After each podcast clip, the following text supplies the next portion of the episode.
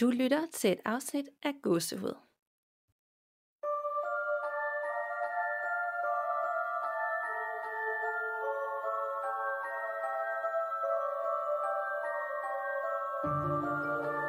Hej Nana, Hej Danika. og hej derude, og velkommen til episode 104, eller er det 105? Det er 100. Det er 104. Jeg bliver helt i tvivl lige pludselig. Tænker, åh oh, nej, vi gentager ikke øh, 104 igen. Nej, det er 104, og øh, i dag er et emnebaseret øh, afsnit, og jeg har simpelthen så meget at køre over det her emne, vi har fundet på. Ja, altså øh, det vil jeg sige. Øh, umiddelbart, da vi fik foreslået det, der tænkte jeg, det lyder egentlig lidt kedeligt. Øh, men når man så undersøgte så var det virkelig på ingen måde kedeligt. Overhovedet ikke, og det er faktisk ikke engang os, der har fundet på det, eller kan tage æren for det. Det er nemlig en lytter, der tippede os om det ind i Facebook-gruppen Mennesker. Kan det passe? Ja, det tror jeg, det var. Og, men jeg er i hvert fald helt op at køre det, og jeg glæder mig så meget til at fortælle, hvad det er, vi skal fortælle om. Men inden da skal jeg lige høre, om der er sket noget hyggeligt hos dig siden sidst. Det håber jeg lidt, der er.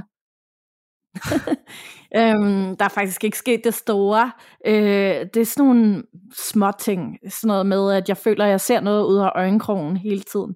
Men det kan sagtens bare være lige noget mit hår, eller nogle skygger, eller nu bor jeg med en svalegang, så det kan også være, når der er nogen, der går forbi derude rigtig hurtigt, og jeg ikke lige ser det. Øhm, så det, det, det er sådan nogle små ting. Og så sådan nogle drømme igen. For eksempel har jeg drømt om en veninde, der døde for nogle år siden. Og så kan, så kan jeg ikke lade være med at tænke på, om jeg ved, om der var en eller anden mening med det. Nå, som om, måske, eller måske hun besøger dig. Ja. Fordi, ja, fordi jeg vågnede bare op, og så havde jeg hende bare sådan... Jeg kan egentlig ikke engang huske, hvad der skete i drømmen. Jeg vågnede bare op, og jeg ved, at sådan, hun var der, der i drømmen. Og så blev jeg sådan helt ked af det. Ja, ja fordi det var så realistisk. Ja, nemlig. Og vi har jo haft mange lytterretninger gennem tiden, hvor det netop var drømme, hvor nogen de får sagt farvel til nogen, eller får genset nogen, eller et eller andet. Så hvorfor skulle det ikke også kunne ske for dig, eller os? Altså, Ja, det er så rigtigt. Jeg er bare ærgerlig over, at jeg ikke engang kan huske, hvad det var. Jeg kan ellers rigtig godt huske mine drømme for det meste. ja, Så det er lidt mærkeligt. ja, det er det. Og det er heller ikke sådan, du kunne skrive Ja. det ned lige da du vågnede. Du kunne slet ikke huske noget. Nej, lige da jeg vågnede, der kunne jeg slet ikke engang, altså lige med det samme, kunne jeg ikke huske, hvad det var, det havde Nej. om. Og det er mærkeligt, det plejer jeg virkelig godt at kunne. Men du kunne huske det med hende, og det var, ja, det kunne jeg det huske. kan da godt være, det var sådan en, et, et besøg agtigt eller lige Det kan hilsen, sagtens fordi være. du har tænkt på det på det seneste, eller et eller andet. Jamen det, det, det, det der er sjovt, det har jeg ikke engang. Nej, Det, det er lang tid siden, jeg havde tænkt på hende, men ja, det kan være, at hun lige var forbi med en eller anden besked om et eller andet. ja. Åh, Så jeg håber, hun kommer igen. det forstår jeg godt. Monique. Jo.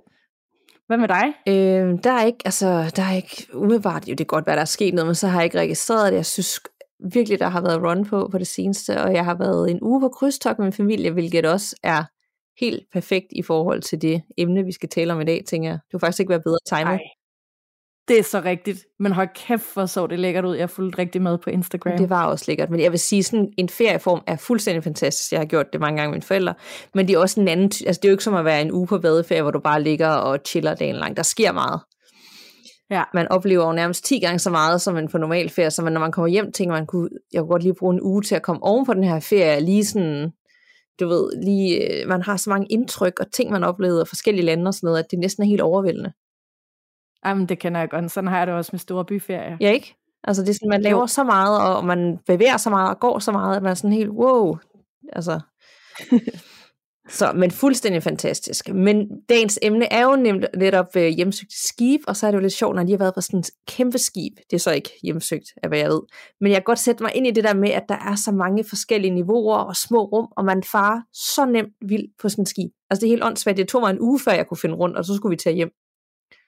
Jamen, det, altså, jeg synes egentlig også bare, at skibe i det hele taget er lidt uhyggelige. Jeg kan egentlig ret godt lide at sejle, bortset fra, at jeg bliver super søsyg af stort set ingenting. Men jeg synes bare også, det er enormt uhyggeligt, det der med at være især, især sådan nogle rigtig lange sejladser, hvor man er midt ude på havet, og der er mega langt til land og sådan noget. Der, der er bare et eller andet creepy over det, synes Ja, jeg. og de der lange gange, og, der, og de er der jo, og det er jo uanset om det er gammelt skib eller nyt skib med ka- kabinerne og sådan noget, man skal virkelig gå ned ad sådan nogle lange gange nogle gange for at komme rundt og op og ned og sådan noget. Og netop når man er ude på havet, øh, og man kigger ud af vinduet eller fra balkongen, og det er bare helt sort, fordi du er bare midt ude i ingenting, hvor der ikke er lys fra land eller noget som helst. Øhm, og måske gynger det lidt, så kan man godt tænke sådan, wow, det, det er jo faktisk den perfekte setting for sådan et creepy stemning. Ej, ja, det er det altså. Og vi skal netop tale om hjemsøgte skibe i dag, eller spøgelsesskibe, det lyder næsten endnu bedre, og det er både den slags, der er forsvundet ud af det blå, men altså også den slags, som stadig findes, og man faktisk kan besøge. Og endnu en gang tak til den lytter, der gav os ideen til netop det her emne. Yeah. Og er du klar til det skib, jeg skal fortælle jer om? Jeg glæder mig så meget. Jeg har selvfølgelig, skulle jeg næsten til at sige, valgt skibet Queen Mary, som mange af jer derude, der er fan af det overnaturlige, måske kender til. Øh, og hvis du har hørt rigtig meget om det her hjemsøgte skib før, så kan du bare lige spole over min del, indtil vi når til Nannas historie. Og ellers vil jeg blot ønske dig god fornøjelse, for det her det bliver en rigtig skræmmende omgang. Queen Mary ligger i Long Beach i Kalifornien, og faktisk er det et af de top 10 mest hjemsøgte steder i USA, så slemt står det til ombord. Queen Mary var et øh, oceanskib, som i perioden 1936 til 1967 sejlede mellem Southampton i England og New York i USA. Og skibet blev bygget i 1934 og er navngivet efter den daværende engelske kong George, den femte dronning Mary of Tech. Størrelsen var og er imponerende. 311 meter lang, 79 meter høj, hvilket gjorde det til det næststørste passagerskib i verden, efter øh, søsterskibet Queen Elizabeth. Og øh, bare lige til sammenligning for de derude, der ikke lige tænker, hvor stor er det egentlig, så var det betydeligt større end Titanic. Så kom 2. verdenskrig, og øh, så lige pludselig så skulle skibet anvendes som transportskib for soldaterne mellem Australien, New Zealand og England med op til øh, 15.000 soldater ombord. Og øh, ved slutningen af 2. verdenskrig, så havde skibet transporteret mere end 800.000 tropper og rejst mere end 600.000 miles og spillet en væsentlig rolle i stort set alle større allierede felttog. Og øh, Queen Mary har også overlevet en kollision med et andet skib på havet, og øh, det har sat rekorden for at transportere flest mennesker nogensinde på et flydende fartøj, og så deltog skibet altså også i D-Day-invasionen øh, ved Frankrigs kyst. Så det har været en virkelig vild historie, det har gennemlevet. Og efter krigen sluttede, så fortsatte skibet med passagertrafik indtil konkurrencen med flytransport, det stoppede turen i 1967. Og på det tidspunkt så var det blevet så billigt at flyve, og der var mange, der, der lige pludselig kunne være med på det. Så øh, det kunne ikke helt hænge sammen længere med at få folk til at tage den lange sejltur fra England til USA. Så engang var det altså det her luksuriøse cruise, men i selv samme år, netop 1967, der købte byen Long Beach i Kalifornien, og faktisk med selveste Disney i ryggen, skibet og omdannede det til et hotel, og sidenhen også et museum, og det er det altså stadigvæk den dag i dag. Skibet er ultra hjemsøgt, i hvert fald hvis man spørger dem, der arbejder der, og dem, som øh, besøger skibet og bor på hotellet ombord. Og det er netop de her hjemmestøvelser, vi skal tale om nu. Af hvad man ved, så er 55 mennesker døde ombord på skibet siden 1936, øh, og det er altså udelukkende dem, der er registreret. For der menes at være en del flere, både i sin tid som øh, krydstogsskib, men også i perioden som skib under 2. verdenskrig, hvor man ikke registrerede dødsfald ombord. Udover dødsfald på selve skibet, så var øh, Queen Mary selv skyld i yderligere 300 dødsfald, da det ved en fejl sejlede ind i skibet. HMS Kuakora, som var meget mindre end Queen Mary. Og det sejlede simpelthen direkte ind i det, og så gik det nærmest i to. Med andre ord er der helt utrolig mange tragiske begivenheder tilknyttet skibet, hvilket nok forklarer de her mange hændelser. Og det menes endda, at der er op til 150 forskellige ånder, der går igen på skibet. Og en af de mest kendte ombord, det befinder sig i maskinrummet. Fordi den 10. juli 1966, der blev et 18-årig besætningsmedlem ved navn Jay Peter, nemlig knust ihjel af en vandtæt dør. Og den her mekaniske dør, den var placeret i maskinrummet, og skibet sejlede på det tidspunkt over Atlanten, så der var ikke rigtig noget at gøre. Han døde på stedet. Og klædt i øh, blå overtræksbukser og iført skæg, er den unge mand ofte blevet set gå langs gangen, før han altid forsvinder øh, ved den dør, han øh, blev dræbt igen. Og gæsterne ombord, de vil tit spørge, hvem er manden i blå overtræksbukser, der går rundt øh, omkring motorområdet, som altså er åben for gæsterne ombord og offentligheden. Og det er uden at vide, hvad der er sket med ham. Øh, man får den her meget uhyggelige følelse, når man er dernede, øh, især alene. Og derudover så høres der tit bankelyde på rørene omkring exit-døren, hvor altså hele to mennesker faktisk er omkommet gennem årene. Et andet meget velbesøgt sted for skibets genfærd, det er de to øh, swimmingpools. Og selvom ingen af dem i dag bruges til deres oprindelige formål, de står bare tomme, så er ånderne til sydladende ikke klar over det. I øh, poolen i første klasseområdet, som har været lukket i mere end tre årtier, der er kvinder ofte blevet set gående rundt i badedragter af nogle 1930'erne, inden de forsvinder ud i den blå luft. Andre de har rapporteret om lyden af plasken og latter, og endda set våde fodspor, der fører for dækket hen til omklædningsrummene. Og flere har også spottet en ung piges ånd, der har et godt tag i sin bamse, og hun står som regel bare og kigger. I poolen i øh, anden klasseområdet, der er ånden for en anden lille pige ved navn Jackie ofte blevet set og hørt. Og hun er faktisk en af de mest kendte ånder ombord på Queen Mary. Angiveligt så druknede øh, den uheldige pige i poolen øh, under skibets sejldage, og hun nægtede angiveligt at komme videre, fordi man hører nemlig rigtig ofte hendes stemme, såvel som hendes latterlyde. Hun kalder også rigtig ofte på sin mor, øh, og det er meget sørgeligt. Så er der øh, dronningens salon, der engang fungerede som skibets førsteklasse lounge. Og der er der en ung kvinde, der, øh, der regelmæssigt bliver set i en elegant hvid aftenkjole, danse alene i hjørnet af rummet, hvilket jeg personligt synes er, lyder rigtig creepy. I den forreste del af skibet, der kan der en ånd høres skrige, og det siges, at smerten kan mærkes i skriget. Og nogen de mener, at det er en dækdreng, som blev dræbt, da Queen Mary ramte det mindre skib. Flere mærkelige hændelser er sket i en række kabiner ombord. Her er der blevet rapporteret om en høj, mørkhåret mand, der optræder et jakkesæt i 1930'erne stilen. Ligesom både vandhagen og lys tænder midt om natten. Mange af de overnattende gæster oplever også telefoner, der ringer i de tidlige morgentimer, uden nogen i den anden ende. Og på tredje klasse er der et legerum, hvorfra der ofte er blevet hørt et babyskrig, og det menes at være den nyfødte dreng, der døde kort efter sin fødsel på skibet. Og så er der kabine B340. Fordi for første gang i over 30 år, så vil Queen Mary lade dig bo i, hvad mange mener er det historiske skibs mest hjemsøgte sted ombord. Og de har næsten lige åbnet op for bookninger igen for et par år siden. Kabine V340, som har været genstand for paranormal aktivitet i årvis, kan lejes fra øh, 499 dollars per nat. Og det er sådan en hel del, men det er fordi, det er den øh, kabine, som er mest efterspurgt på hele skibet, så folk er også villige til at betale de her sindssyge summer for at overnatte der. Sidste gang værelset var optaget af en gæst var i 1980'erne, siger Steven Sauert, som er general manager for Queen Mary. I årtier har vi haft tusindvis af besøgende, der har anmodet om at overnatte lige her, og efter 30 år er vi glade for igen at udvide tilbuddet til vores gæster. Og i lige præcis det her rum, der har folk oplevet lys og vandhænder tænde og slukke, og øh, sengebetræk bliver trukket af ud af det blå, mens de sover. Og mest skræmmende af alt, så øh, er der en mørk skikkelse, der står for enden af sengen, mens de sover.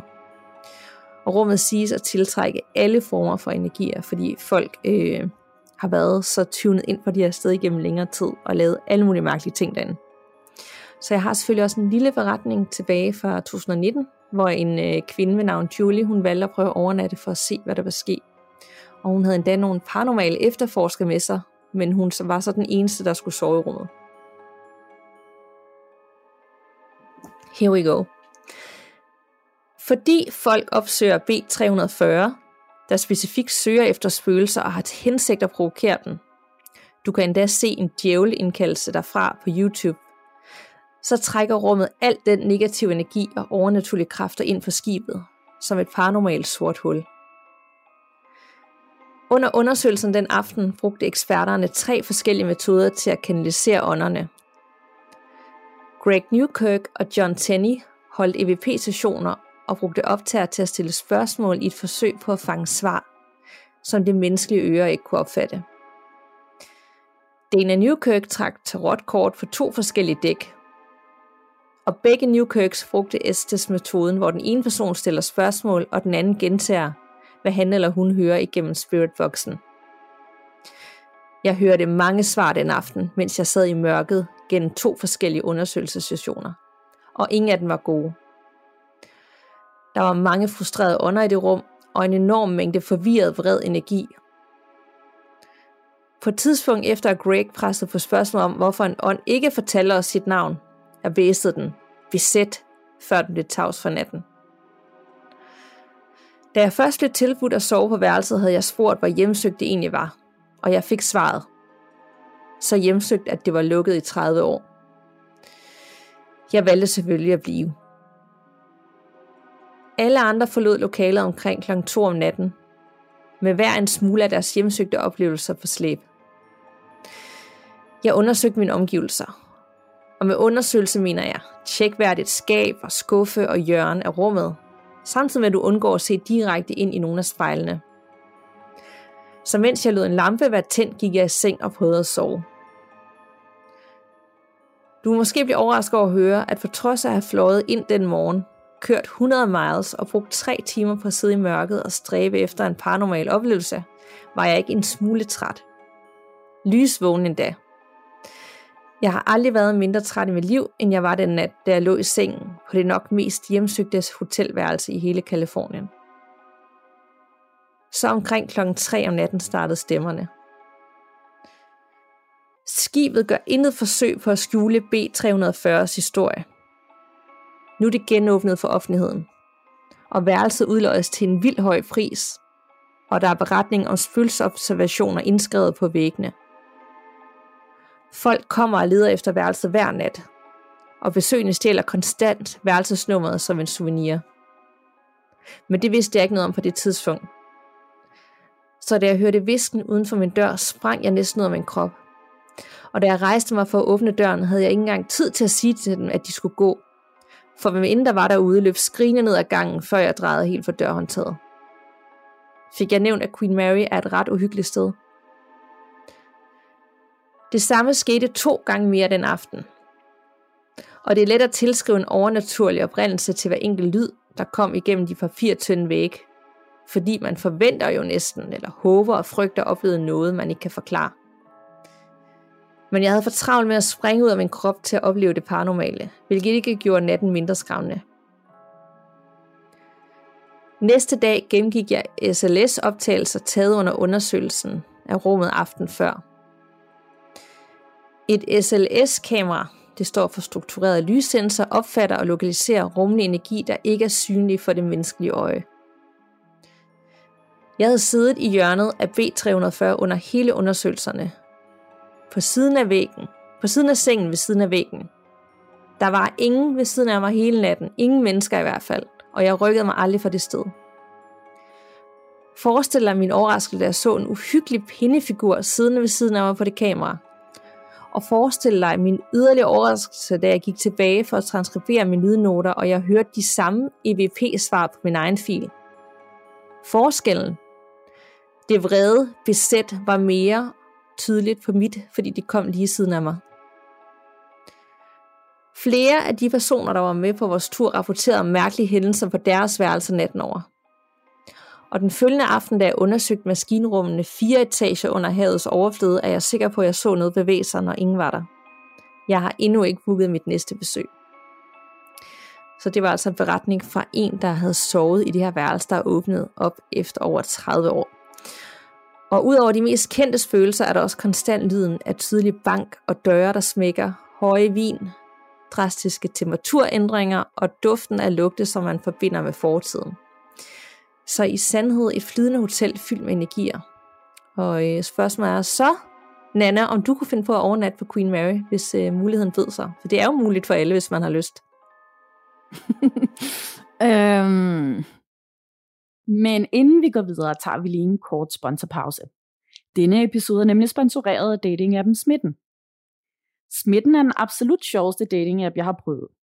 Du kan nemlig spille en masse minispil for at lære andre på appen at kende. Når du opretter din profil, bliver du stillet en række spørgsmål, som du frit kan vælge at svare på.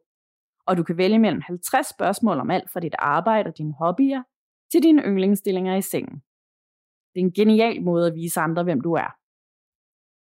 Du kan også tilføje sjove, pinlige og fascinerende fun facts om dig selv, og så kan du udfylde nogle ja- og nej-spørgsmål til en gætteleg, som bliver til en personlig lille quiz. Og det kan blive helt vanedannende at se, hvor mange rigtige man kan få, når man gætter med på andre brugeres quizzer. Smitten er en virkelig sjov og underholdende måde at lære nye mennesker at kende på. Og quizzerne giver masser af inspiration til at starte en interessant samtale med en potentiel partner. Så hvis du er på jagt efter en god date, som måske endda kan vise sig at blive den eneste ene, så download smitten i App Store eller Google Play nu. Mm, nej, det vil jeg nok ikke lige umiddelbart. Nej. Men du kunne godt finde på, og, øh, fordi de, der er faktisk også rigtig mange ghost tours øh, ombord, hvor man bare lige kan komme rundt på et par timer og se hele skibet og få fortalt alt det, der er sket. Og så kan man jo tage hjem igen. Det gad jeg godt. Det gad jeg helt vildt godt. Og hvis jeg så måske var overbevist om, at der var et eller andet, men at der ikke var sådan for skræmmende, så kunne det egentlig godt være, at jeg godt ville kunne finde på at booke en overnatning. Måske bare ikke lige øh, det her værelse.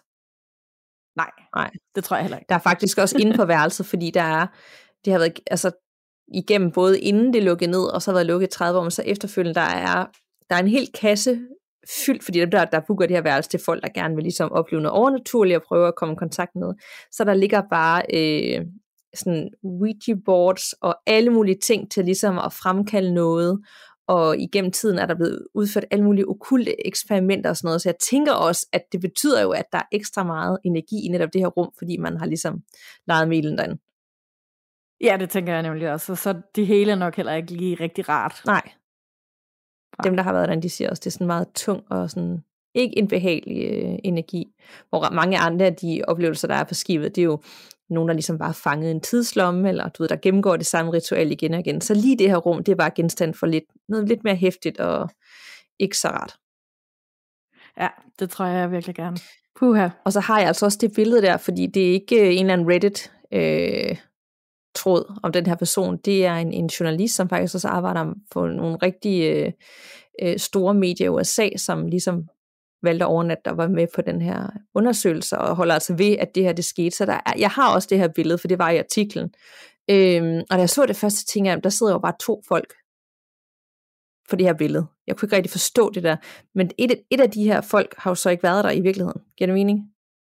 Ja, ja. Og det skal jeg nok lige lægge med op, øh, når vi øh, deler det her afsnit i Facebook-gruppen, så man kan forstå det. Jeg, altså, for mig der ser det bare næsten så realistisk ud, og jeg kendte slet ikke til det her kamera, der kunne sådan tage noget, som det menneskelige øje ikke kunne se. Har du hørt om det før? Mm, nej, øh, det ved jeg ikke. Så, jeg tror måske, så har jeg lige sådan læst hurtigt bare sådan, hvad var det, et SLS-kamera, ja. det hed? Ja, så har jeg måske bare lige læst et SLS-kamera, så har jeg ikke blitt mærke i det, så har jeg bare tænkt, at det var et eller andet mærke eller et eller andet, men ellers, jeg har ikke sådan indgående kend, kendskab til det. Og et billede er jo taget i 2019, så det er jo ikke sådan et billede, der er 100 år gammel. Altså det kan godt være, det er bare mig, der sådan, det, der, er, der er virkelig en bad vibe over det her billede, og jeg kan, ikke, jeg kan næsten ikke finde ud af, hvad for et af de her ting, det er jo en kvinde, men den, der er kvinden på billedet, synes jeg ser mest uhyggelig ud. Giver det mening? Okay. Og så sidder jeg og tænker, er, er det ånden? For det ser næsten, hun beskriver den måde, hun beskriver det på, men det kan det jo ikke være, og hvis det er manden, så tænker jeg, at det ligner jo vidderligt et menneske. Altså. Så jeg, Gud, jeg, det jeg skal også nok lige sende det sig ind, for jeg var sådan helt, jeg forstår, jeg forstår det næsten ikke. Men der, jeg, jeg, jeg bliver skræmt, da jeg så det. Så, øh, så kan I se, om øh, vi synes, når det bliver lagt ud. Men i hvert fald det vildeste skib med en sindssyg historie, både med Øh, der har også været nogle virkelig vilde personligheder ombord, øh, til at det har været en del af 2. verdenskrig. Altså det er alligevel for meget forskellige ting, det har gennemlevet. Ja, det må man sige. Der er ikke noget at sige til, at der er en rigtig tung energi der. Ja, og vildt, fordi det er jo et af de skibe, man bare kan besøge. Mange af de skibe, som også er hjemsøgte, det er jo skib, der er, du ved, der bare driver rundt, eller aldrig er fundet, eller ligger på bunden af havet, eller ja, forsvundet i den blå luft. Ja. Ikke? Det her, det ligger jo bare til, du kan sove der og lige betale, men jeg vil gerne overnatte dig. Ja, det er virkelig ret skummelt. Ja. Så jeg vil virkelig gerne, det sådan, jeg ved også, at Ghost Adventures, de har lavet et afsnit derfra, hvor de gennemgår alle de her ting, og det tænker jeg faktisk gerne, jeg vil se. Jeg kunne læse lige kort derinde om, at de havde også fundet en masse, og det var faktisk et af deres favoritsteder i forhold til hjemsøgte steder, øh, de har besøgt hvor fedt det afsnit vil jeg også mega gerne se. Jeg, mener også, at jeg stødt på en, da jeg søgte på de her skibe der, en hel masse YouTube-videoer også med folk, der har været derinde og kigge. Og, ja, ja, og hvis man bare søger på øh, Ghost Pictures from Queen Mary, så kommer der altså også en masse billeder, hvor at der menes, at der var fanget nogle af de her ånder. Øhm, så der er virkelig meget at dykke ned i. Øh, det er ikke sådan, at der kun er nogle få beretninger. Det vælter ind, hvis du søger på Google med alt muligt. Både videoer, billeder Fantastisk. og det hele. Ja. Jeg er klar til at oh, høre, hvad du har med til mig. Yes, og øhm, jeg har også et skib selvfølgelig. Og det er i modsætning til din historie, så er det en, en, en historie om et skib, som desværre ikke findes mere. Og øh, det er også en historie om et meget redselsvækkende nødopkald, som ikke lige vil være sådan til at glemme, hvis, øh, hvis nogen altså virkelig hørte det. Men det ved man altså ikke 100%. Uh, det lyder godt. Yes. Men efter sine så øh, skulle der i maj måned 1947 være en række skibe, der rapporterede, øh, mens de passerede gennem en meget travl skibsrute i Malacca-strædet, som ligger øh, nær Indonesien, om en knitrende, desperat stemme, der dukkede op på deres radiografer. Den sagde, alle officerer, inklusiv kaptajn, døde. Ligger i kortrummet og på broen. Sandsynligvis hele besætningen døde. Jeg dør. Og øh, man taler altså lidt sjovt på de her øh, radiografer, fordi at øh, man skulle have sine budskaber hurtigt igennem, så det er derfor, at sætningerne er sådan lidt opbrudte. Og med disse ord, så øh, skrev fragtskibet SS Urang Medan sig ind i historien. I årtier så er der cirkuleret historier om, at besætningen blev fundet død efter nødkaldet, uden nogen åbenlys årsag. Og endnu værre var det, at deres ansigter var fastfrosset i redselslagende ansigtsudtryk. Medan ville ikke være det første skib, der mødte en mystisk skæbne. Et af de mest berygtede historier om en anden Mary, nemlig skibet Mary Celeste, der blev fundet til søs uden nogen ombordværende i 1872. Men mysteriet om Medan er, at ingen er helt sikker på, hvad der egentlig skete med besætningen. Eller om skibet egentlig overhovedet nogensinde var blevet søsat. Så enten er historien om Medan ren fiktion, der er forevet gennem årtierne, eller også så er det et skib, der sejlede ind i noget meget farligt farvand.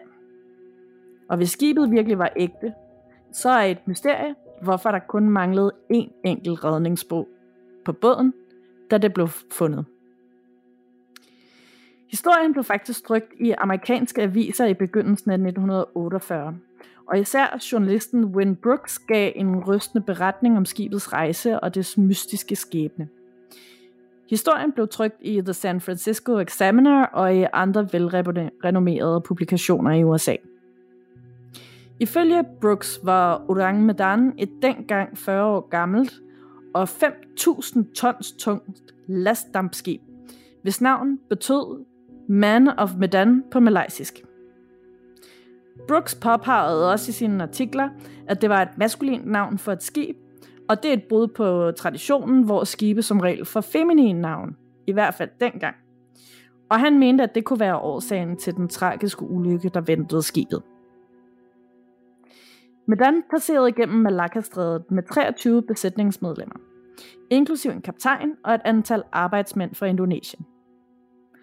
Præcis hvilken last, der var ombord på skibet, og hvor det var på vej hen, er detaljer, som desværre er gået tabt i løbet af årene. Men uanset hvad, så nåede det i hvert fald aldrig sin destination. Ifølge Brooks, så modtog en italiensk officer på et skib en SOS på sin radio. SOS fra skibet Orang Medan. Skibe med SW, som er kortbølge, skal omgående skaffe hjælp fra DH Medico. Denne besked blev efterfulgt af en lidt anderledes besked, end den, der blev beskrevet i andre beretninger. Vi flyder. Anden styrmand død på broen. Kaptajn og maskinchef døde i kortrummet. Sandsynligvis er hele besætningen døde. Til dels. Her skulle den nødlidende så have skrevet en uforståelig morsekode imens, før han så fortsatte med at tale og sagde, jeg dør, og derefter var stillheden larmende. Efter at have modtaget det desperate nødkald, så skyndte redningsfolk sig ud for at finde skibet, og eftersøgningen efter det fortsatte helt ind i næste dag. Da de endelig fandt Bedan, der bevægede det sig ikke længere rundt. Dampen bølgede ikke længere ud fra skorstenene, og det drev ligesom bare lidt rundt om sig selv. Et besætningsmedlem fra det tillilende skib forsøgte at få kontakt med nogen ombord på Madan med en megafon. Men de blev mødt med en isende tavshed fra skibet. Da de klatrede ombord, opdagede redningsmændene lignende af besætningen, og selv af skibshunden. Radiooperatøren, som formentlig var den, der havde bedt mig om hjælp, var stadig ved radioen. Ingen af dem så ud til at være udsat for vold, men det virkede heller ikke, som om de havde haft en fredelig død. Deres lig lå i forkrampede stillinger, og deres ansigtsudtryk var forvredet i frygtindgydende grimasser. Men der var desværre ikke meget tid til at undersøge lignende for spor. For ikke særlig lang tid efter redningsmændene var gået ombord, så blev de beordret tilbage til deres eget skib, efter nogen derfra havde bemærket en skorsten på Medan, der så ud til at brænde. Og efter de havde forladt skibet, så redningsfolkene på i chok, mens Medan blev ramt af i alt fire eksplosioner. Opslugt af flammer, så sank det ned i det dybe vand, og tog al information om sin skæbne med sig i graven for altid. Men normalt er det ikke så nemt for et skib at forsvinde sporløst på den måde. For sørejser involverer som regel registreringer af afgangen, mellemstop og ankomster og meget andet. Og den første og mest bekymrende detalje med den historien er, at skibet aldrig nogensinde blev registreret hos Lloyd Shipping, som førte optegnelser over skibene dengang. Men det er bestemt muligt, at fartøjets historie kan have forhindret en nøjagtig skissering af dets adfærd. Medan refererer til en ø ved Sumatra, hvor skibet kan være registreret. Men andre mener, at Medan var et hollandsk skib, der var blevet overbemandet af indonesiske pirater, som brugte det til ulovlig last, og derfor havde alt mulig grund til at undgå, at skibet blev dokumenteret nogle steder. Hvordan dens historie præcis spredte sig, også fuld af mystik. Ifølge Brooks cirkulerede fortællingen i Indonesien, før den blev bragt i det mest populære hollandske tidsskrift, Elsevier's Weekly i januar 1948. Og grunden til, at det blev bragt fra Indonesien til Holland, er fordi, at øh, i den periode, altså øh, Holland har koloniseret Indonesien, så det er derfor, der er det her tætte bånd mellem de to lande. Den beretning kom angiveligt fra en unavngiven italiensk styrmand, som var en del af besætningen, der reagerede på nødkaldet. Redaktøren af Elsevier sagde, at han havde købt rettighederne til mandens historie, samt et fotografi af et lig fundet på Medan. Men redaktøren fortalte, at styrmanden forsvandt sporløst lige efter. Beretningen cirkulerede derefter i England og USA, men detaljerne varierede af og til – og faktisk så var både Brooks og Elsevier's Weekly ret bagud med at bringe nyheden om skibet. For de tidligste britiske rapporter med deres skæbne var faktisk allerede omkring 1940. I disse beretninger der var nødkaldet det samme, mens Medans radiooperatør ændrede hurtigt anmodning om lægehjælp og krævede at få hjælp fra et krigsskib. Et britisk handelsskib reagerede her og fandt omkring 12 lig på skibet. Det er muligt, at der var flere besætningsmedlemmer. Men den forestående eksplosion tvang dem til at opgive eftersøgningen, fortalte en sømand. I den her fortælling havde besætningen ikke forvrednet ansigtsudtryk, og anmodningen om hjælp fra et krigsskib kan have antydet, at de blev angrebet af pirater. Efterhånden som historien spredte sig, var den hyppigste spekulation, at skibet havde været udsat for en form for gas- eller kemikalielækage, som havde ført til besætningsmedlemmernes død. Muligvis var det et udsløb af dampe forårsaget af kollisioner med sten, som havde rystet lasten ombord. Den her teori blev fremsat af et tysk tidsskrift fra 1953 med titlen Das Totenschiffen der Südsee, som betyder dødskibet i Sydhavet, og blev skrevet af en mand ved navn Otto Milke, som skrev, at kaliumsyrenid og nitroglycerin kunne have udløst en eksplosion, og også var en kontroversiel nok last til, at skibets besætning ville have undgået kontroller og registreringer. Men ingen af redningsfolket blev påvirket af sådan nogle dampe. Og måske husker du, at der manglede kun en enkelt redningsbåd, da Madan blev fundet. Ifølge Brooks, der greb historien om Madan om sig, og der opstod spekulationer om, at der havde været én enkelt overlevende fra skibet. Efter at have rodet væk fra katastrofen, blev han fundet i live på en stillehavsø, hvor han fortalte beboerne, at to gasser ved et uheld var blevet blandet sammen og havde skabt en dødelig giftig sky. Han var selv blevet beordret til ikke at forlade skibet, men ignorerede det og nåede i sikkerhed. Han levede længe nok til at fortælle sin fortælling, og døde derefter enten som følge af kemisk indånding, eller tid i drift på havet, hvad det så end betyder. Ingen ved det, og der er heller ikke nogensinde nogen, der finder præcis ud af, hvad der egentlig skete med SS Orang Medan.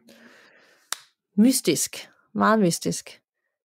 Meget, meget mystisk, og også meget, meget øh, sådan en urban legend-agtig, øh, som godt nok bare har rigtig, rigtig, rigtig mange detaljer. Så vi er enige om, der er aldrig noget af det her skib, enten da det sejlede sted eller efter nogle dele, der sådan er, er, eksisterer i virkeligheden lige nu. Der er ingen del af det overhovedet tilbage, og der er sådan lidt øh, tvivl omkring, hvor, hvor meget dokumentation der egentlig er omkring skibet, øh, hvor det kommer fra og sådan noget, fordi der jo netop ikke er blevet lavet nogen registreringer af det, hvilket jo så er alle mulige øh, teorier om, hvorfor der ikke er. Men øh, jeg har fundet billederne øh, af skibet, og af et lig fra skibet, som øh, redaktøren på det her hollandske øh, tidsskrift påstår at have købt for, øh, for den italienske styrmand. Okay, så der findes et, et enkelt billede af eller ja. ja. Der findes et billede af skibet og et billede af et lig fra skibet. Jeg, jeg linker selvfølgelig også i øh, Facebook-gruppen til det.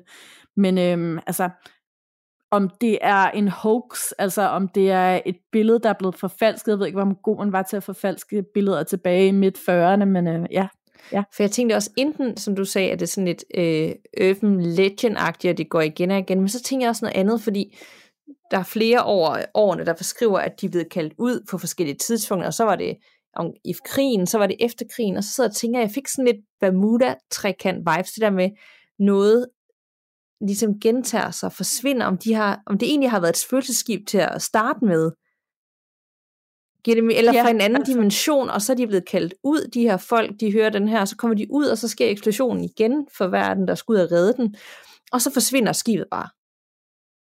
Jamen det, det, altså jeg tænker også, der må være noget grad af sandhed i den her historie på en eller anden måde. Øhm, nu foregår det jo, altså jeg kan ikke huske, hvor Bermuda-trekanten er, men jeg mener, jeg mener at det er omkring... Øhm, Karibien. Er det ikke sådan noget... Ja, Karibien. Øh, Et eller andet ja. sted. Og det her foregår i sådan en stræde, der ligger meget tæt imellem øh, Sumatra, som er den her indonesiske ø, og så øh, Malaysia. Øhm, og som ligger sådan relativt tæt. Øh, og de er, jo, de er jo, altså begge de lande er jo meget, meget øh, troende i forhold til det overnaturlige også. Mm.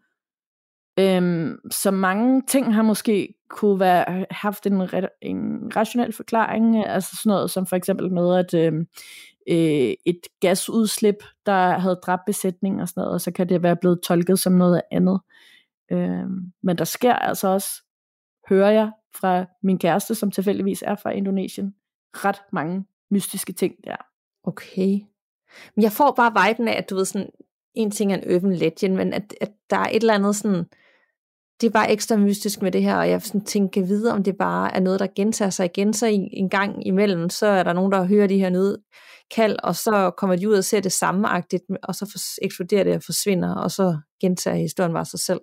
Og det er sådan fanget, ligesom at en ånd kan være fanget i et loop, så det her skib på også en eller anden fanget på en eller anden måde et loop. Ja, altså jeg tænker, hvis der er et eller andet overnaturligt på spil, så er det garanteret fanget i et eller andet loop. Ja, ej, meget, meget mærkeligt. Meget mystisk. Jeg elsker ja. sådan noget mysterie på den måde.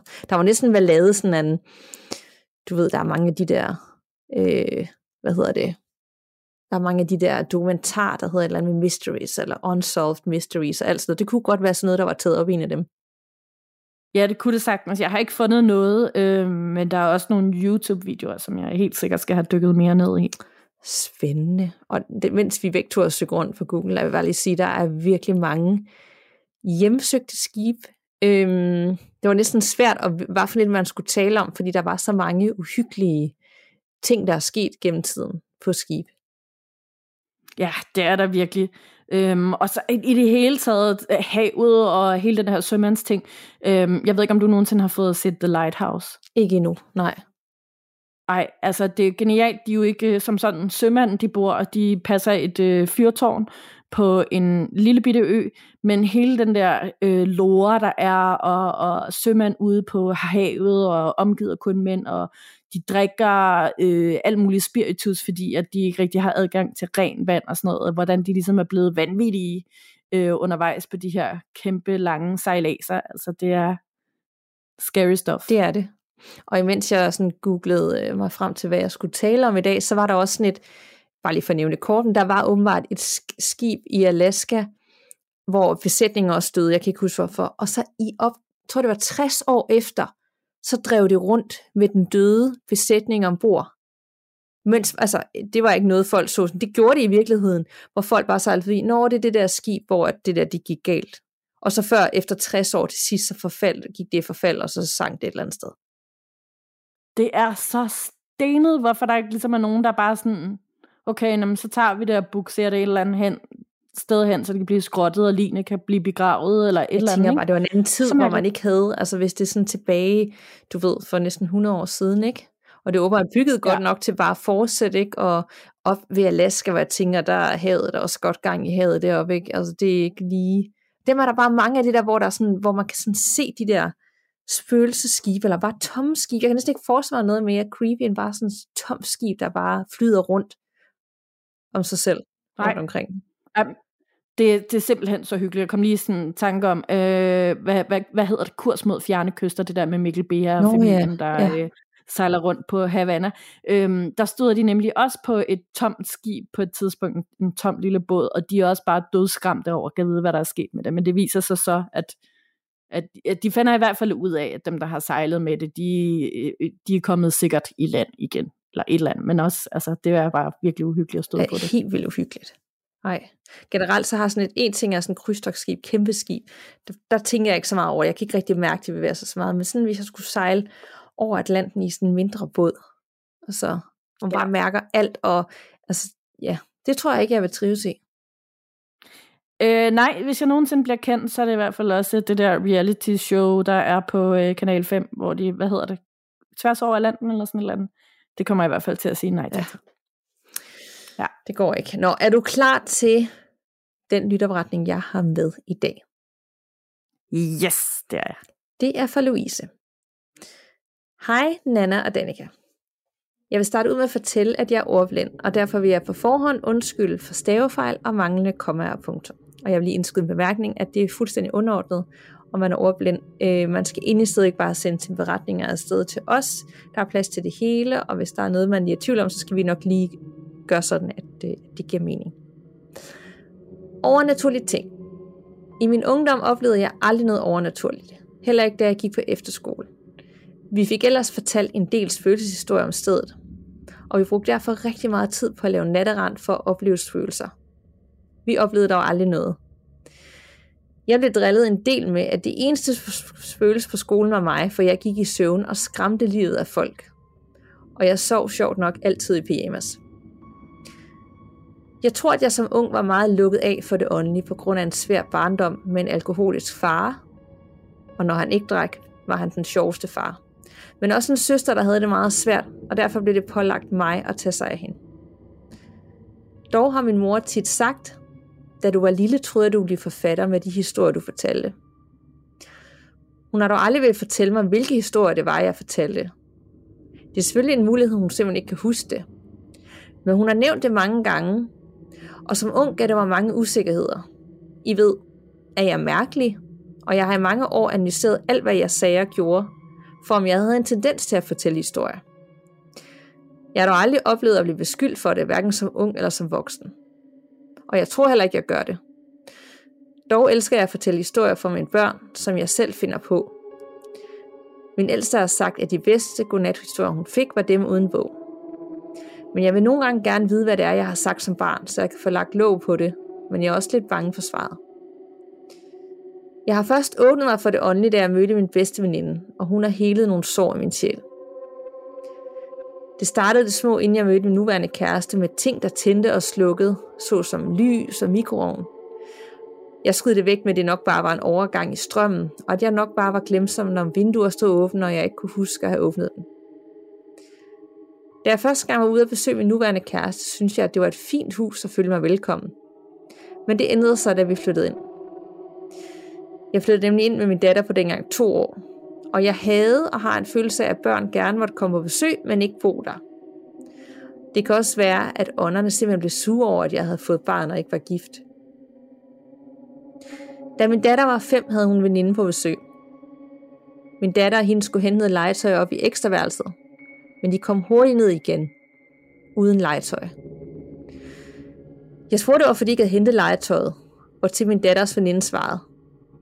Det kan vi ikke, fordi manden i gyngestolen siger, at vi ikke må være derinde. Og vi har altså ikke nogen stol eller gyngestol i det værelse. Så jeg gik op og hentede legetøjet. En anden gang kom jeg ned for at hente min datter, der var på besøg ved veninde. Der var sådan en flot gammel gynge i haven, og jeg spurgte dem, om de havde gynget i dag. Pigen svarede med sådan lidt træt blik. Altså, kan du ikke se, at gyngen er optaget af de der onde børn? Men der var ingen børn for gyngen. Og lige den dag havde jeg ikke behov for at komme ind og få kaffe. Det næste, jeg fortæller, er en følelse, jeg har haft, og det er slet ikke sikkert, det er derfor, hvis I forstår, hvad jeg mener. Min kæreste og jeg har i mange år kæmpet med at blive gravid. Og når jeg blev gravid, så aborterede jeg. Jeg havde simpelthen den her følelse af, at han, de, ikke vil have en gravid og ugift kvinde i deres hjem. Efter mange år blev jeg endelig gravid med rigtig mange komplikationer som følge. Vi begyndte at gøre børneværelset klar, som var det værelse, hvor min datters veninde havde set en mand. Det jeg skriver nu ved jeg godt er en vild tanke at have, men jeg skriver det alligevel. Lige inden vores lille datter skulle flytte ind i værelset, gik dem, der ejede stedet, konkurs, og vi blev tvunget til at flytte. Jeg havde sådan en vild fornemmelse af, at han simpelthen ikke vil have et barn derind. Der, hvor vi er flyttet hen nu, er jeg ret sikker på, at der også er en mand, men til forskel før føler jeg mig ekstremt velkommen. Måske endda for velkommen. Jeg oplevede en del ting, efter vi flyttede ud. Blandt andet en gang, hvor jeg var meget syg og lå i sengen, følte jeg, at der var en, der holdt om mig. Jeg havde en dag en samtale med min nu teenager om det åndelige, hvor hun fortæller, at hun er glad for, at vi er flyttet, for hun har aldrig følt sig velkommen der, hvor vi boede før. Jeg måtte så fortælle hende, at den følelse havde jeg også. Der er dog et lille pussy twist ved det, for vi kommer af og til forbi det sted, vi boede. Det er nu beboet af en østeuropæer, der er i landet for at arbejde i korte perioder. Huset forfalder mere og mere, og når vi kører forbi, får jeg en mærkelig fornemmelse af, at de gerne vil have os ind igen. Reinkarnation. Jeg er nået til de afsnit, hvor I snakker om reinkarnation. Jeg har i mange år haft en meget stærk fornemmelse af et tidligere liv. Et liv som nonne i en skov, hvor jeg stod for at lave mad til de andre. Jeg har fornemmelsen af, at der var perioder med tavshed, og jeg har i dag et helt fint med perioder med stillhed, og føler ikke de perioder som ensomhed. Jeg er ret sikker på, at det stammer fra det tidligere liv, med perioder med tavshed og bøn. Jeg er desuden meget sikker på, at klosteret lå i Skotland, men man talte ikke skotsk eller engelsk. Jeg fornemmer, at det er fransk, men heller ikke helt fransk, som man taler i dag. Jeg tænker tit på, om man kan finde en, der kan afkræfte eller bekræfte alt det, jeg ser for mig. Jeg håber også, at vi, min forlovede og jeg, får sparet nok penge sammen, til vi kan købe vores eget sted. Og et sted, hvor vi begge to føler os velkomne. Jeg har det sidst et lille dilemma, og jeg er simpelthen sådan i tvivl. Min søster og jeg har aldrig diskuteret det overnaturlige, men jeg har en stærk følelse af, at vores døde, afdøde far gerne vil igennem til hende og hjælpe hende, da hun har det svært. Men hun er meget lukket, og han kan ikke trænge igennem til hende. Skal jeg sige det til hende, eller lade være? Det var alt for mig nu. Jeg håber, jeg fik gjort mig forståelig på trods af stave og kommafejl. Med venlig hilsen, Louise. Og det kan være, at vi skal starte med det der dilemma, for det synes jeg faktisk var rigtig fint at få med. Ja, helt klart. Hvad tænker du? Øh, jeg synes faktisk, den er svær. Jeg ja. tænker, at det måske ikke nødvendigvis er den bedste idé, hvis de aldrig har talt om det, og søsteren også har nogle udfordringer, for det kan godt være, at det kan blive misforstået, eller hvis nu den anden person er sådan et, det tror jeg bare overhovedet ikke på, så er det måske sådan et ømt punkt at begynde at tale om den, den afdøde far, og ja, hvad tænker du? Mm, ja, det tænker jeg også. Man skal i hvert fald være ret strategisk omkring, man gør, hvordan man vil gøre det. Mm. Jeg, og jeg har svært ved det, fordi på en eller anden måde, jeg er lidt splittet imellem det der med, at man skal ligesom tage hensyn til andre, og øh, at det kan blive modtaget på en svær måde. Men jeg, samtidig er jeg også bare tilhænger af, at man prøver ligesom at få tingene ud, fordi at det kan jo også være, at, at, at der ligesom er andre, der sidder og har mm. nogle ting, nogle oplevelser. Og ja. det kan også være, når de først taler om det, så har søsteren måske egentlig også jeg netop haft noget, oplevet et eller andet på et tidspunkt, og tænkt, det har, jeg har bare ikke tur at sige det, for jeg troede, du ikke gad at høre om sådan noget.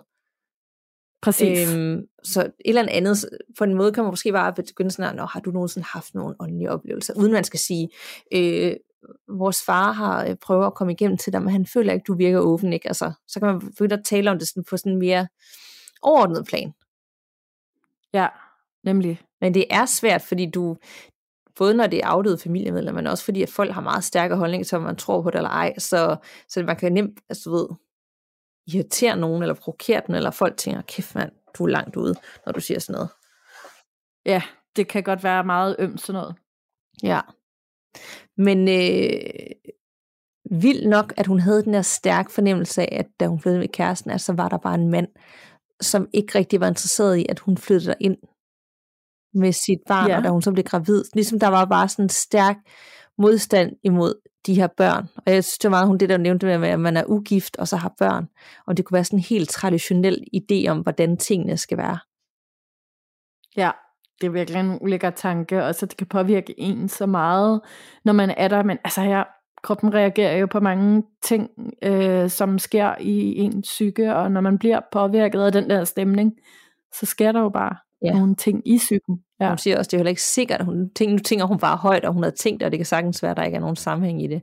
Men hun havde bare, hun, hun, de var ikke tilpas der, og så flyttede de, og så ændrede sig der trods alt til det lidt bedre, og men der stadig var noget. Men de der børn, eller søsteren, eller hvad hedder det, barnets veninde, der sagde det der med, vi kan ikke tage legetøjet, fordi manden i gyngestolen siger, at vi ikke må tage det, eller vi kan ikke gynge, fordi de onde børn, de som sidder på gyngen. Det synes jeg var klart. Det er simpelthen så klamt, og jeg bliver virkelig sådan, jeg bliver faktisk også lidt vred øh, over de der ting, fordi det er jo heller ikke første gang, at vi har hørt, at der er nogen sådan ældre øh, genfærd, der har været efter børnene, og irriteret på børnene, og generet børnene, fordi de synes, at børnene larmer så meget, og det skal børn ikke, og sådan noget. Det skal de bare overhovedet ikke blande sig i. Det er faktisk rigtigt, det har vi haft en del om. Men det er jo nok bare ligesom, at det er i den virkelige verden, der er jo også mennesker, der synes, børn er skide irriterende og fylder, og øh, ikke gider børn. Og, så, og sådan er det jo nok også på den side, at der er jo også nogen, der tænker, smut, eller vi hører ikke til her, eller jeg gider simpelthen ikke høre på det. Ja, det må fandme være træt. Ja, virkelig. Det er, at vi skal være bedre til at hjælpe dem til at komme væk ja, derfra sig. Over på den anden side med dig. Det tænker jeg også. Ja. Nå, jeg, jeg er klar til en eller to lytopretninger. Yes, jeg har, øh, lad os lige se, hvor langt det bliver.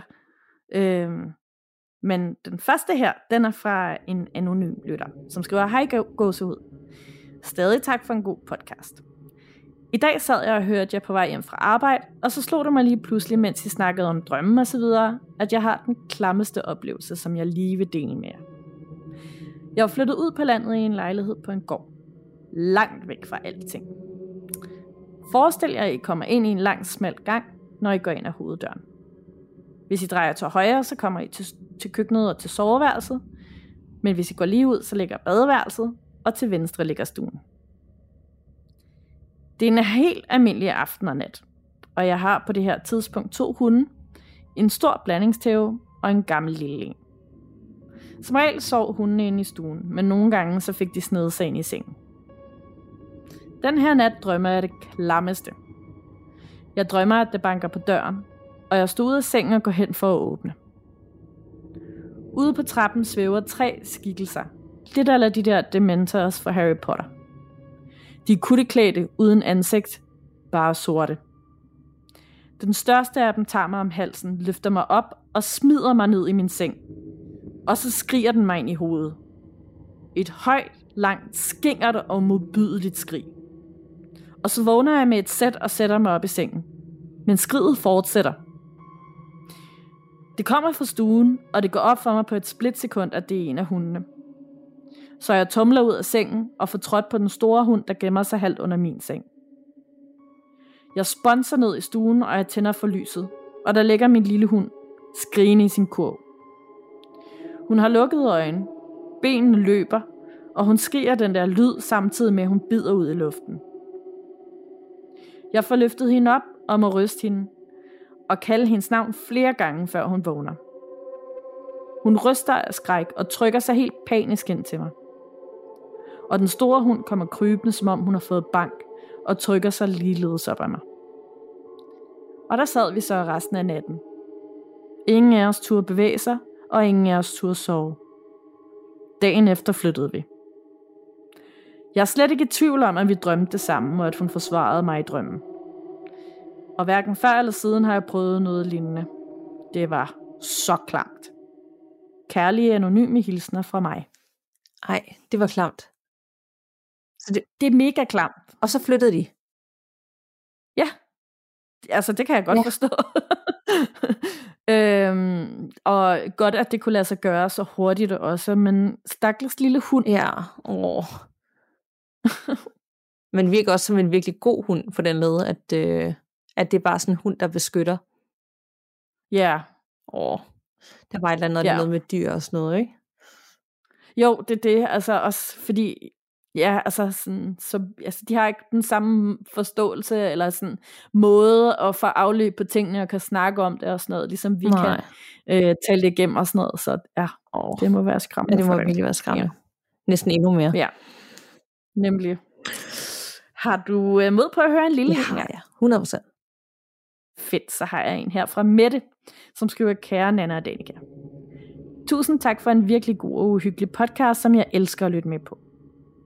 Jeg har længe ville sende mit bidrag, men jeg har tvivlet på det, fordi det er en ganske kort beretning. Men nu får I det altså her alligevel. Da jeg var få måneder gammel, flyttede mine forældre ind i et rækkehus i Hvidovre. Her sov jeg i en trammeseng på et lille værelse på første sal. Mine forældre sov i et større værelse, og der var blot et lille toilet mellem vores værelser. På det lille værelse, hvor jeg sov, hang der på væggen over for min trammeseng et billede af en lille dreng og pige, som gik ved siden af hinanden.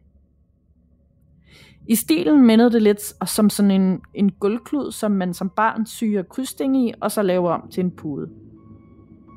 Farverne var lilla, gul, blå, sort og rød, så vidt jeg husker. Jeg var et barn, der ifølge mine forældre så igennem, fra jeg var ganske lille. Men da jeg var cirka 2-3 år gammel, der vågnede jeg en nat ved, at der var tydelig aktivitet på mit lille værelse.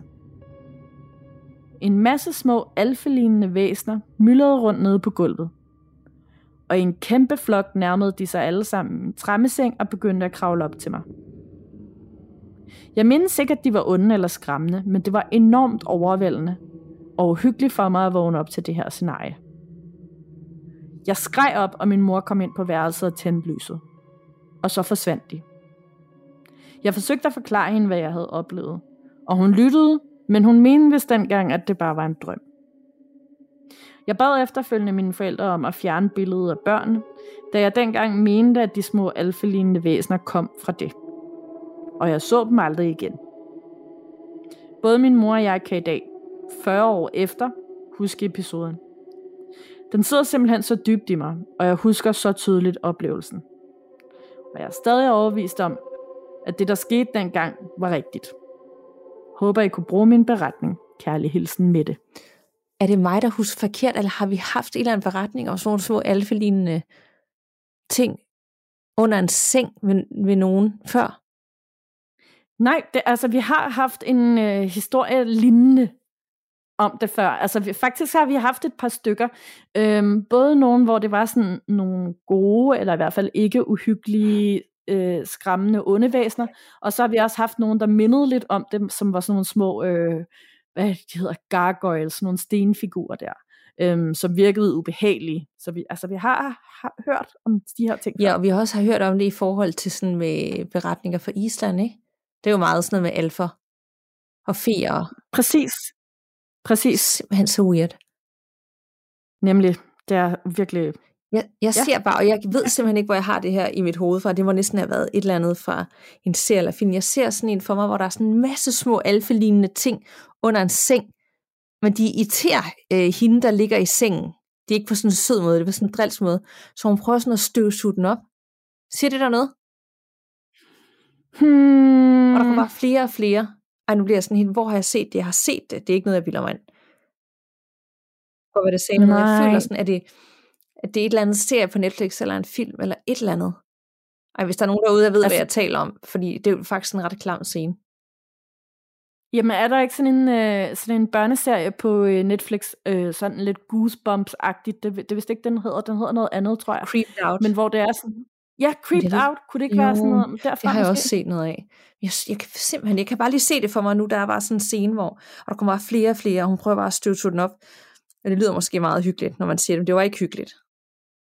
Nej. Og, det var, og de skriger, de har sådan en høj lyd, der bare sådan går i, og hun kan, altså man kan næsten ikke være i det. De er sådan virkelig irriterende, og, og sådan uhyggelige, ja. Det lyder faktisk virkelig Ja, ja, uhyggeligt, er men det Og der lyder var flere, hver gang hun støvsuger den op, så er der bare flere og sådan noget. Øhm, Nej. og, ja, men altså, hvis der er nogen derude, der ved, hvad jeg taler om, det er jeg, så irriterende, når man kan, man kan se det inde i sin hoved, den her scene. Jeg ved ikke, hvorfra det er. Ja, det er virkelig Ja. irriterende. Jeg streamer simpelthen så mange film og serier i øjeblikket, at jeg ikke kan holde hovedet og hale i noget som helst. Ja. mere.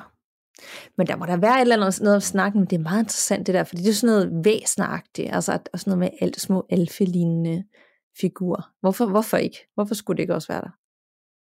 Ja, ja. Altså, hvis øh, alt det andet er der, spøgelser og sådan noget, hvorfor så ikke? Altså, vi har jo snart haft alt op at vinde, også nisser, ikke? Så, så hvorfor ikke også dem? Præcis. Vi rummer det hele. Nemlig. Hold op. Men inden vi slutter af, så skal vi jo lige have et par godsudstip. Det skal vi nemlig. Og Jeg glæder mig til at høre dit. yes, jeg har en film med fra Netflix. Det er næsten altid Netflix. Øh, men det er der også mange, der har, så det er jo godt. Det er en film, der er øh, en gyserfilm fra 2015, men den er lige kommet på Netflix. Jeg kendte den ikke før. Den hedder The Visit. Øh, og jeg ved ikke, om du kender den, Anna. Mm, jeg tror, jeg har set titlen et eller andet sted, men jeg kan ikke huske, om jeg har set den. Det kan være, det er, fordi den lige er kommet derind. Men den handler om, at øh, under et besøg fra deres bedsteforældres gård, der beslutter to børn sig for at lave en film om deres familie. Men de opdager snart, at familien gemmer på dystre hemmeligheder. Og de her bedsteforældre, de virker sådan super søde til at starte med. Men de er måske slet ikke så søde. Den er lavet sådan, den er uhyggelig, men den sådan lidt, øh, lidt skæv gyserfilm. Har fået meget gode anmeldelser, og hvad jeg kunne se, så er det også øh, ham, der står bag øh, den 6. sans, der har lavet den. Uh. Øhm, og jeg, jeg så den bare, fordi jeg var på Netflix, og den kom op så sådan anbefaling og lige mig, så jeg tænkte, jeg har ikke set den endnu, men jeg vil gerne læse om den. Den har jeg bogmærket, den tænker jeg, den vil jeg vildt gerne se. Den lyder, øh, den lyder lidt anderledes på den fede måde. Ja, det gør den. Fedt mand, den skal jeg også ind og lede efter. Øhm, jeg har faktisk også to film med, Fedt. for det ikke skal være løgn. Men det er så på Viaplay, som jeg så håber, at der også er mange, der har. Og den første, den hedder Seance, og det er sådan en øhm, lidt teen slasher-agtig film. På kostskolen Fairfield Academy, der er der en urban legend om et ondsindet genfærd fra en tidligere elev, der er død på tragisk vis. En gruppe pigerne på øh, øhm, kostskolen her beslutter sig for at udføre et ritual på en sen aften for at hidkalde det her spøgelse. Og egentlig så var det hele bare tænkt som en prank, men det får altså store konsekvenser, og ikke mindst for de piger, som var med i ritualet. Den anden, den hedder Werewolves Within, og det er mere sådan en comedy horror-agtig film. Så den er sådan meget god, hvis man nu skal have en gyseraften i weekenden, så øh, se den sidst, fordi det er ikke sådan en, man får meget i af om natten. Det er altså også på Viaplay, og den handler om den her nye skovfod, som ankommer til en lille bitte by, Beaverfield. Og øh, straks så begynder et mystisk væsen at terrorisere hele byen, og blandt andet så sker der en række bestialske drab. Nu er det bare sådan, at de alle sammen her i byen, den her lille bitte by, står over for et mysterium, og de skal prøve at finde ud af, hvem af dem blandt beboerne i byen, der er monstret. Wow. Uh. To meget forskellige seangs, det siger mig et eller andet. Hvornår er den fra? Er det, er det ikke en ny en, vel? Er det? Jo, den er sådan, øh, jo, rimelig ny. Nå, så har jeg ikke set. Nej, det er sådan en, der er gået ret meget under radaren, synes jeg også. Men den var faktisk overraskende god. Jeg tænkte, at det var sådan en god, mm. sådan lidt blæ film, men jeg var, blev godt opslugt af den. Og det holder bare altid sådan en teen slasher gyserfilm. Det, ja, Nemlig. det kan man altid se. Yes, det kan man. Hold op, så kom vi igennem en hel masse, og jeg føler slet ikke, at vi har dækket det her følelsesskibsemne nok. Der er nok til flere afsnit, hvis det er noget, vi vælger at tage op igen. Og vi vil meget gerne høre fra jer derude, om vi synes, det er et spændende emne, er det noget, vi skal snakke om igen. Eller har du også idéer til nogle emner, vi skal tage op, som vi ikke har talt om før, eller en eller anden sag, eller eksorcisme, eller et eller andet, I har læst om, hørt om, så må man altid tippe os. Man kan bare skrive til os direkte, man kan skrive ind i Facebook-gruppen, som lytteren gjorde før, og hvis du nu ikke er medlem af Facebook-gruppen, det håber jeg, du er, så kan man finde os på Gåsede Podcast ind på Facebook. Anmod, og vi godkender, og det er vildt uhyggeligt. Der bliver delt følelsesbilleder og gode filmtips og alle mulige mærkelige ting, man kan blive skræmt af eller grine over sammen. Det er vildt hyggeligt og uhyggeligt, Dan. Nemlig. Og som altid, giv os også meget gerne en bunke stjerner inde øh, der, hvor du lytter til podcast. Eventuelt skriv en lille anmeldelse, det vil gøre os så super glade og hjælpe os videre på vej. Her nu runder vi jo, altså nu er vi rundet 100 afsnit, ikke vi har været i gang længe, så hvis nu du gerne vil give lidt igen til os, så er det bare lige et par få kliks, og så bliver vi simpelthen så glade. Yes. Så øh, tusind tak for snakken, Anna. I lige måde. Vi lyttes ved. Og pas på derude. Man ved jo aldrig, hvad der venter bag den næste dør.